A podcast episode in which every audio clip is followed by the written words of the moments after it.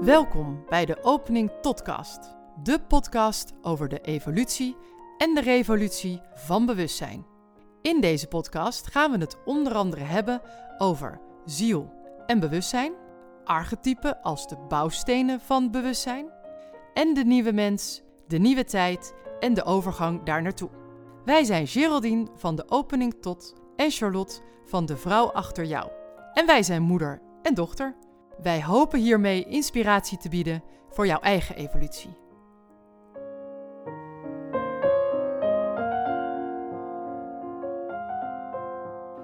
Ja, mama, nou dan gaan we weer verder met uh, weer uh, kletsen over archetypen. Ik vind het ook helemaal leuk. En dit keer uh, gaan we het dus hebben over 2 en 8. Ja, ja, we hadden het de vorige keer al over dat tellen moeilijk was, maar nu heb ik het natuurlijk opgeschreven, dus ik ben voorbereid. Ja, de 8, 2 en 8. 2, 8, ja. precies. Ja, ja. en die, welke, welke namen horen bij deze welke taartpunten? namen horen bij 2 en 8. Het tweede taartpunt, huis in de astrologie, is stier. Ja. En de achtste is schorpioen. Pluto. Mijn grote favoriet. Ja, ik wou zeggen. ik nou eenmaal evolutionair astroloog ben. Ja, de stier, schorpioen is een as die uh, als thema heeft, eventjes globaal, ik ga dat proberen uit te uh, lichten of uit te diepen, ja. um, vasthouden, loslaten. De stier uh, energie is een energie. Je kunt je het ook wel voorstellen.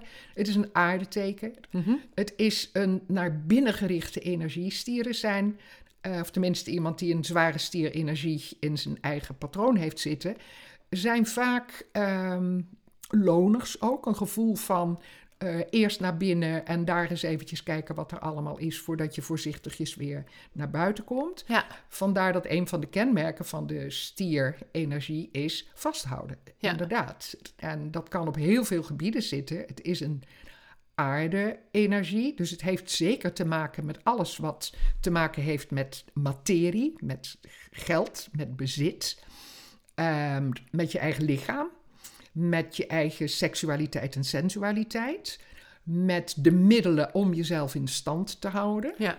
Maar tegelijkertijd ook met de waarde die je daar voor jezelf aan toekent. Dus het is een, het is een heel belangrijk archetype in de, in de ontwikkeling van de mens. Mm -hmm. Omdat je daar, als je daarin vastzit, ontwikkelt het patroon van de ziel ook niet verder. Vandaar dat dus Pluto, schorpioen, aan de overkant, ja, staat. daar staat dan loslaten, maar zo gauw de interne um, contractie, en die heeft te maken met de overlevingsangst, niet zozeer uit dit leven, maar uit vele levens her, ja. uh, dan zit eigenlijk dus de, uh, de groeienergie kan vastkomen zitten. Nou, Pluto, de energie van de overkant van schorpioen, die uh, zorgt voor een continue evolutie. Ja. Dat is gewoon de evolutie van de totaliteit van bewustzijn. Pluto is een vorm van bewustzijn.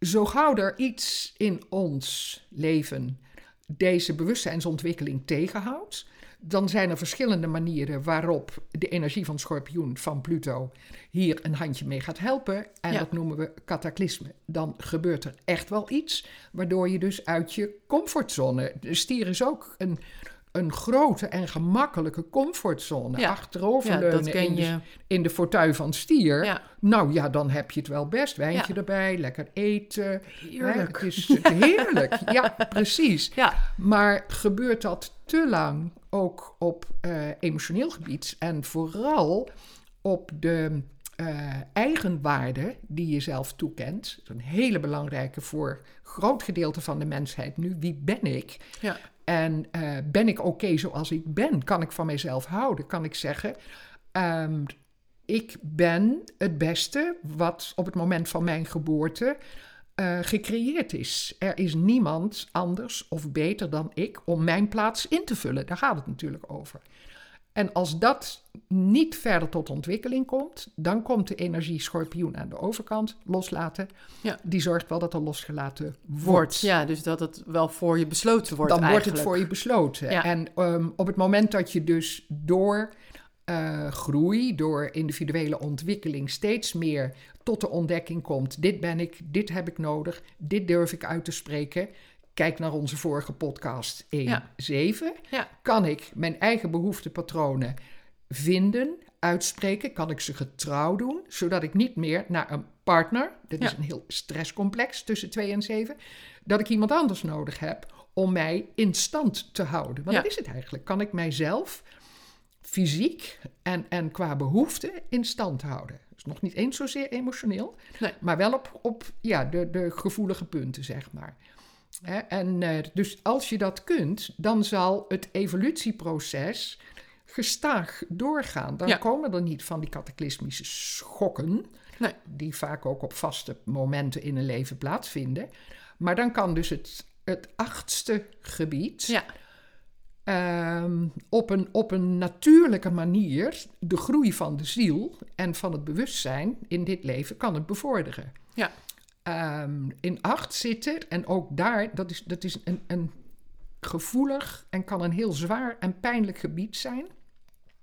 Omdat daar weer, tegenover twee, wat ik net zei, die overlevingsdrift, daar kunnen enorme, ehm, diepe, pijnlijke herinneringen in zitten. Pijnlijke herinneringen aan eh, macht en machteloosheid, aan machtsmisbruik, aan ehm, ja, het is een vorm van slachtofferschap, maar niet het slachtofferschap wat ik straks met 12.6 ga behandelen.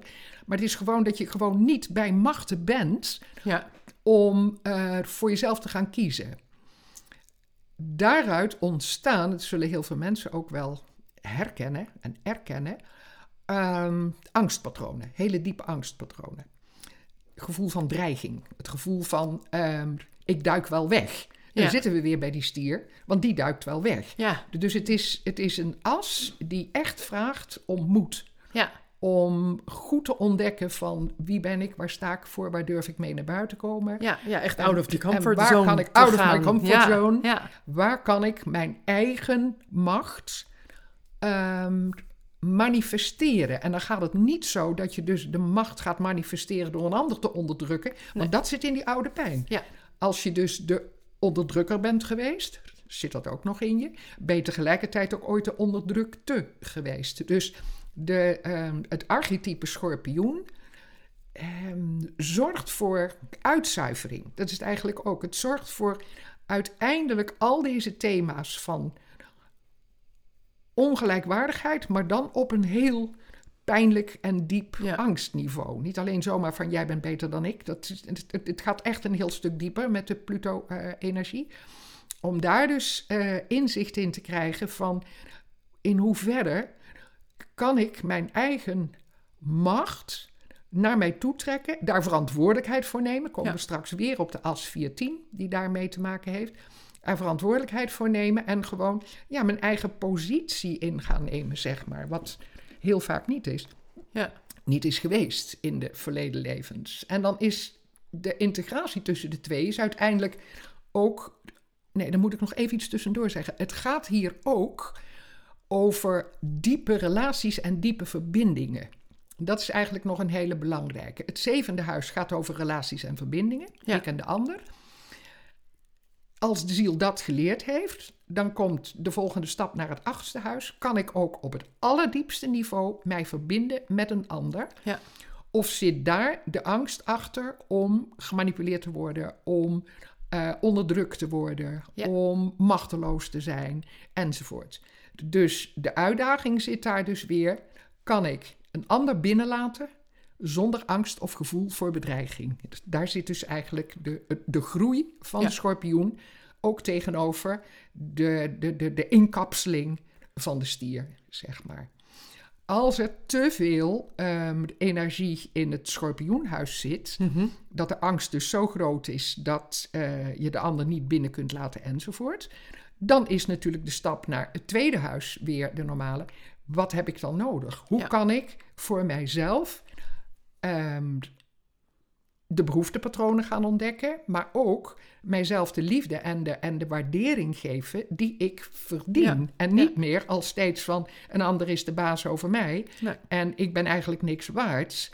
Dus ehm, het zijn steeds oude thema's van schuld, van niet waardevol zijn, van eh, jezelf weg moeten cijferen, noem maar op. Ja, ja, dat je dus inderdaad niet deugt, rechtsom of linksom. Helemaal. En dat Ja. je dus, dus het kan dan ook helpen om weer, nou ja, even teruggaan in de stierenergie. Eh dat wat, wat je net zei, dat je dan inderdaad denkt, oh ja, wat heb ik dan nodig? Dat Ja. je juist even denkt, Ja. even in die fauteuil. Ja. Even denken, oh ja, dit vind ik fijn, dit heb ik nodig. Dat moet ook. Zonder dat je daar weer helemaal in- in vastplakt. Want dan kom je Maar weer dat niet zal je niet doen. vooruit. Je zal er niet in vast gaan plakken, omdat je natuurlijke inclinatie is er niet in willen. Nee, nee. Hè? Dus je zal er niet in vastplakken, maar je moet het leren om er je rust en je comfort in te vinden. Ja. Want er is in, in, in het schorpioenbestaan zit weinig rust en comfort. Ja, ja. Dat, is gewoon, dat is gewoon overlevingsstrijd, zeg maar. Dus, en dat zit in wezen in stier ook. Ja, Als de stier vast is komen te zitten precies. Ja, in als een die, ja, overlevingsstrijd. dan, ja, Maar als die in de machtsthematiek schorpioen is vastkomen te zitten, dan heeft hij juist de, de relaxatie, Ja, de, de rust. van de stier. Ik ben oké. Ik trek een paar grote rode sokken aan en ik stop mijn vier grote stierenpoten in de klei ja, en ik leun achterover en dit heb ik nodig. Hoe lang mag ik zitten? Zolang als het goed is voor mij. Ik word niet opgejaagd. Ik word niet. Dus, dus de, de, de, de, ja, de balans tussen die twee, de- om je in het, in het reine te brengen weer, zeg, zeg maar, zit hem inderdaad in eh, rust durven nemen. ja. En je had bij de vorige aflevering een heel mooi, ehm, ja, een soort overkoepelend woord voor dus hè, het hele midden tussen de Ja. as 2-8. Ja, He- he- heeft deze ook een, een, een behalve rust? ja of is nee, rust die- eigenlijk... eigenlijk- net zei, de, ehm, de angst, de ander binnen durven laten zonder angst. Ja. Dus je open durven stellen. Ja, Het, ja het, in rust. Openstellen, hè, de Ja. een dus openstellen vanuit... oh, ik heb mezelf altijd zo klein gemaakt... want ik durf niet meer naar buiten te komen. Dus stel het open. En de ander, stel het open. Ik hoef de ander niet te onderdrukken... en ik word ook niet onderdrukt. Dus Ja. het is een, een- vertrouwen. Misschien is dat wel het ultieme woord wat erbij hoort. Vertrouwen in plaats van wantrouwen. Ja, Ja, vertrouwen. ja, ja, Ja. Als, als, als overkoepelen, waar, waar het Ja, as 2 waar en ze 8 elkaar samenkomen, ontmoeten. zeg maar. waar ze elkaar ja, ontmoeten. Ja, Vertrouwen in jezelf en in de ander. ja. Ja, ja, dat is wel mooi inderdaad. eh. Ja. Nou, ik denk dat we hem daar gewoon mee afsluiten. Want ik vind dit wel een heel mooi ja. inderdaad. rondje. Vertrouwen. Vertrouwen. Wat mooi. Ja, eigenlijk wel een heel mooi woord. Hoe lang Ja. ik erover nadenk. Hij zuipelt Ja, steeds maar weer dan binnen. inderdaad in jezelf en in de ander, in, in, in het leven wat er nu geleefd wordt. Niet zozeer in de kosmos, dat komt straks nog, dat is het twaalfde huis. Maar het vertrouwen in, in, in, je, in jezelf, in je zijn en in je positie tussen die twee. Zowel in je kracht als in je rust. ja. Dat, Ja. eh, ja. Mooi. Vertrouwen. Ja, vertrouwen. Mooi woord. Goed zo. Dankjewel Lotje. Nou ja, jij dankjewel. Graag gedaan. Ik vind het wel leuk. ik heb er vertrouwen in. Goed zo. nou, dankjewel. Deze podcast wordt gemaakt door Geraldine Pontenagel van de opening tot, met twee O's, evolutionair astroloog, en haar dochter Charlotte Roels van De Vrouw Achter Jou. Zij is theatermaker en storyteller. En nu dus ook podcastmaker.